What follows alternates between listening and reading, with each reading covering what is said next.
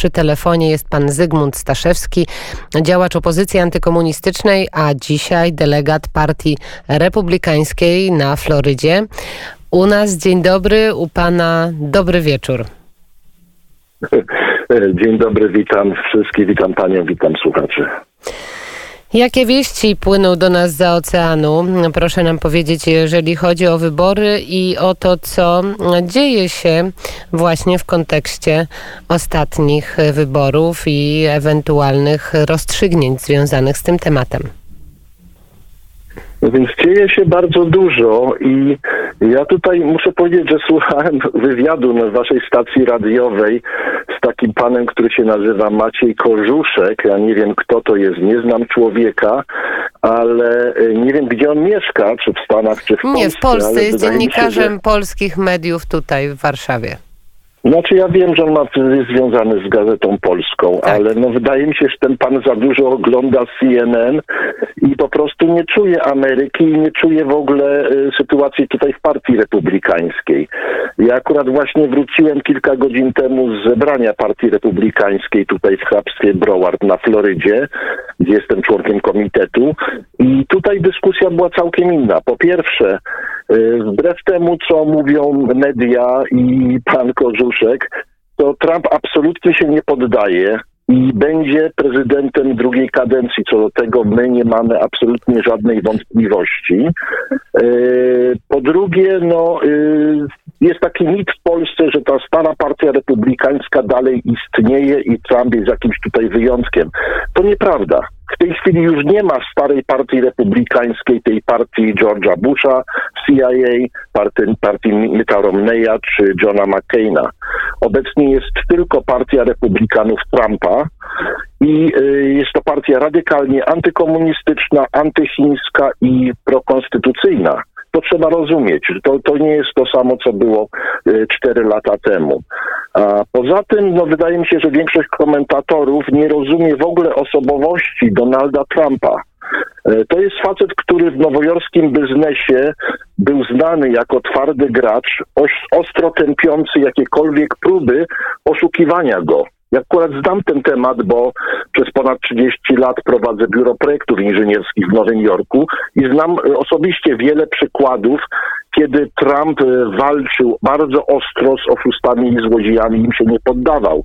Także to jest dalej ten sam człowiek, on nie jest zawodowym politykiem i on tutaj też się nie podda, absolutnie będzie walczył do końca. Dlatego między innymi ekipa Bidena do tej pory nie otrzymała dostępu do tajnych informacji, czyli tak zwanych security clearances, bo po prostu administracja Trumpa nie uznaje Bidena jako e, prezydenta elekta.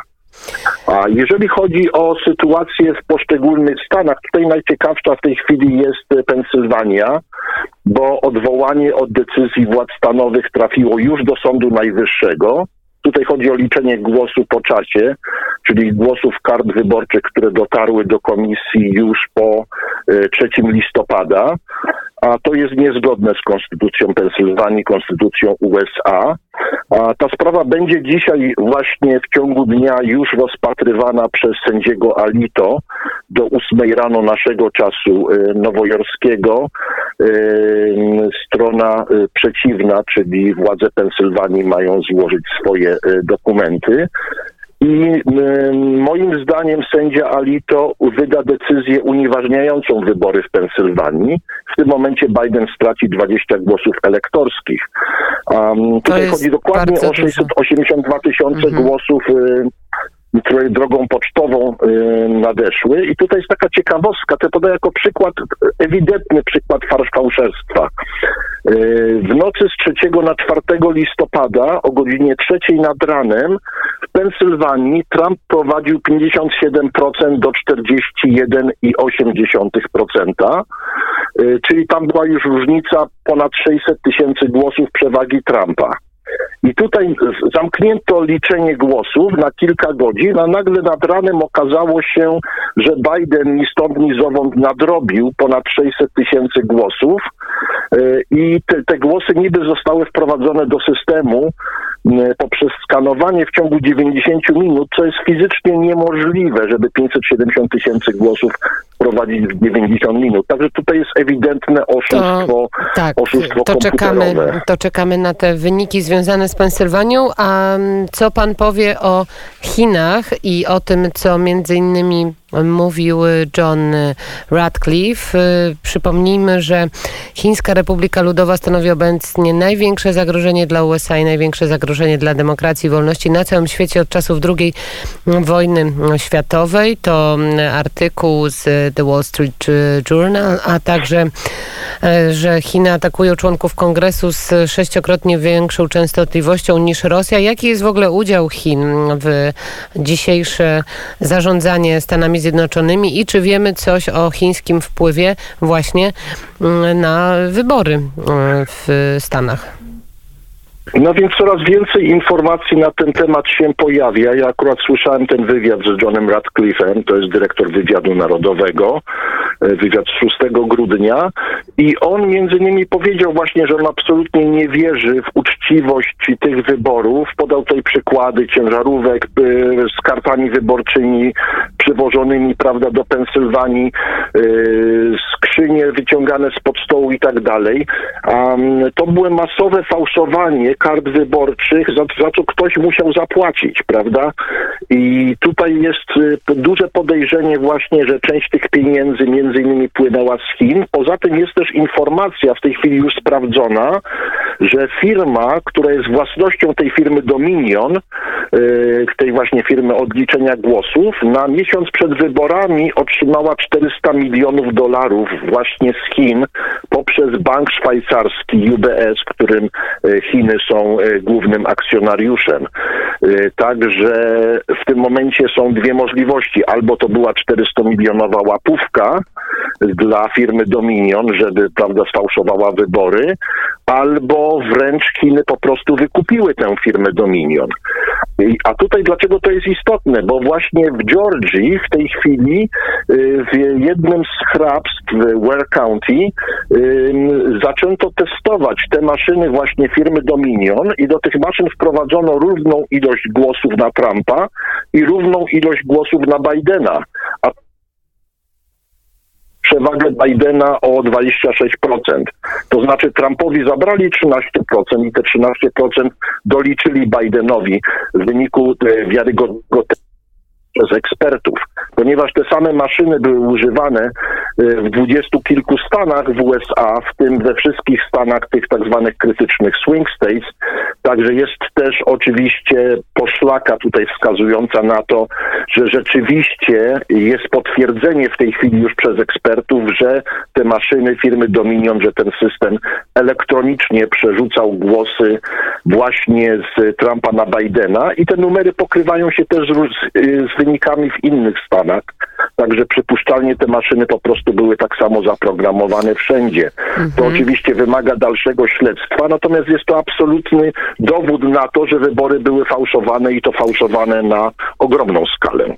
To jest e, ta retoryka, która przebija się z, oczywiście z partii republikańskiej. Państwo e, cały czas w tym tonie się wypowiadają i e, jak widzimy różnego rodzaju rozstrzygnięcia w sądach zapadają, ale jeszcze bardzo ważna sprawa, o której wczoraj rozmawialiśmy przed wywiadem. Mówił pan, wspominał pan o tym, że Donald Trump może rozważać albo przekazywane są w każdym razie mu takie sugestie odnośnie wprowadzenia stanu wyjątkowego czy stanu wojennego. Nie wiem jak to dokładnie dokładnie w Stanach Zjednoczonych jest ujmowane. Kto doradza, na jakiej podstawie i dlaczego w ogóle mówi się o takim bardzo poważnym scenariuszu? Yy, no więc tutaj krytyczne są pewne daty, mianowicie najważniejsza jest data 6 stycznia, kiedy tak naprawdę kongres zatwierdza wybory prezydenckie i yy, jeżeli nie będzie wystarczającej ilości głosów elektorskich czyli tych 270 dla któregokolwiek z kandydatów, y, to w tym momencie y, y, Izba Reprezentantów będzie głosowała i będzie wybierała prezydenta podług pewnego klucza i ten klucz wskazuje na to, że prezydentem będzie Donald Trump. Tutaj w ogóle to nie podlega dyskusji.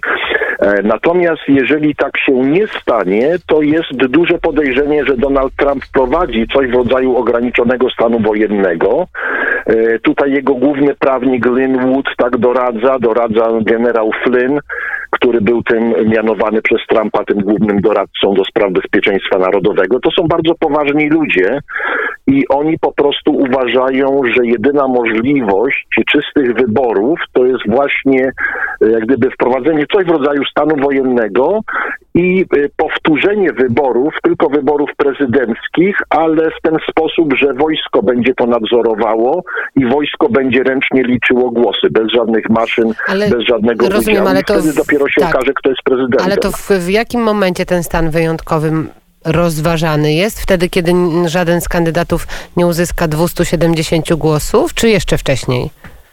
Ja myślę, ja myślę, że jeszcze wcześniej tutaj ta decyzja będzie w dużym stopniu zależała od tego, jak postąpi e, Sąd Najwyższy w ciągu najbliższego tygodnia. E, ale to tylko nie, nie chodzi tylko o wybory.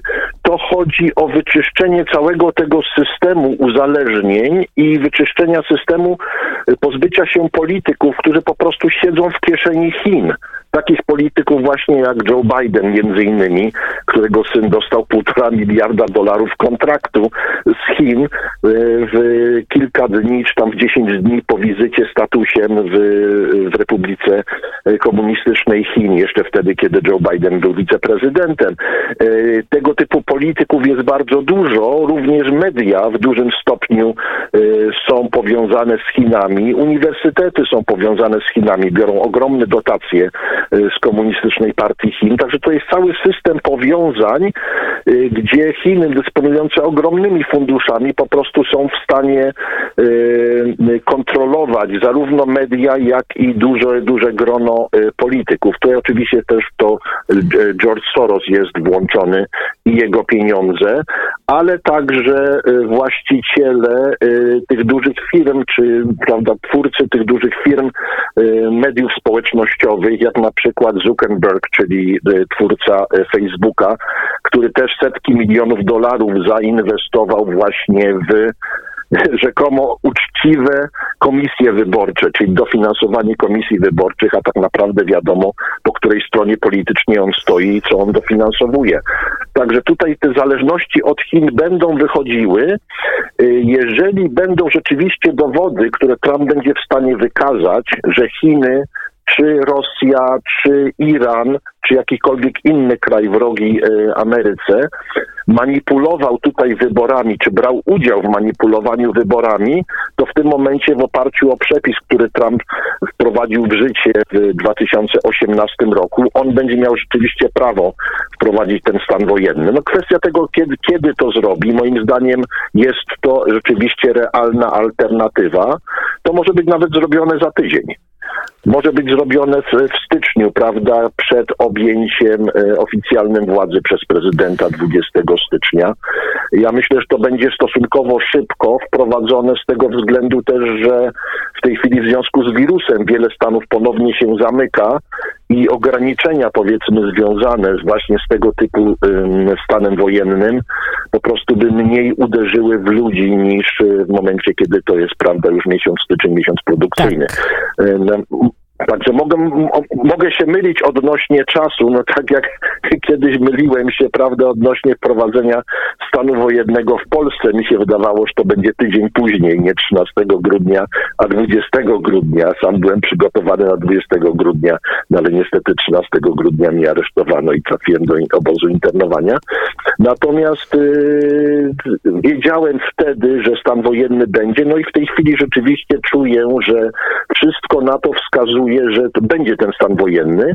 Tutaj jeszcze jedna przesłanka jest. I naprawdę taka, ostatnia że... przesłanka, bo czas nas bardzo goni. Dobra. W Ameryce y, prawdopodobnie około 80 milionów ludzi głosowało na Trumpa. Ci ludzie w tej chwili są wyjątkowo wkurzeni, można powiedzieć, źli, że te wybory ukradziono, a ci wszyscy ludzie w większości przypadków są uzbrojeni.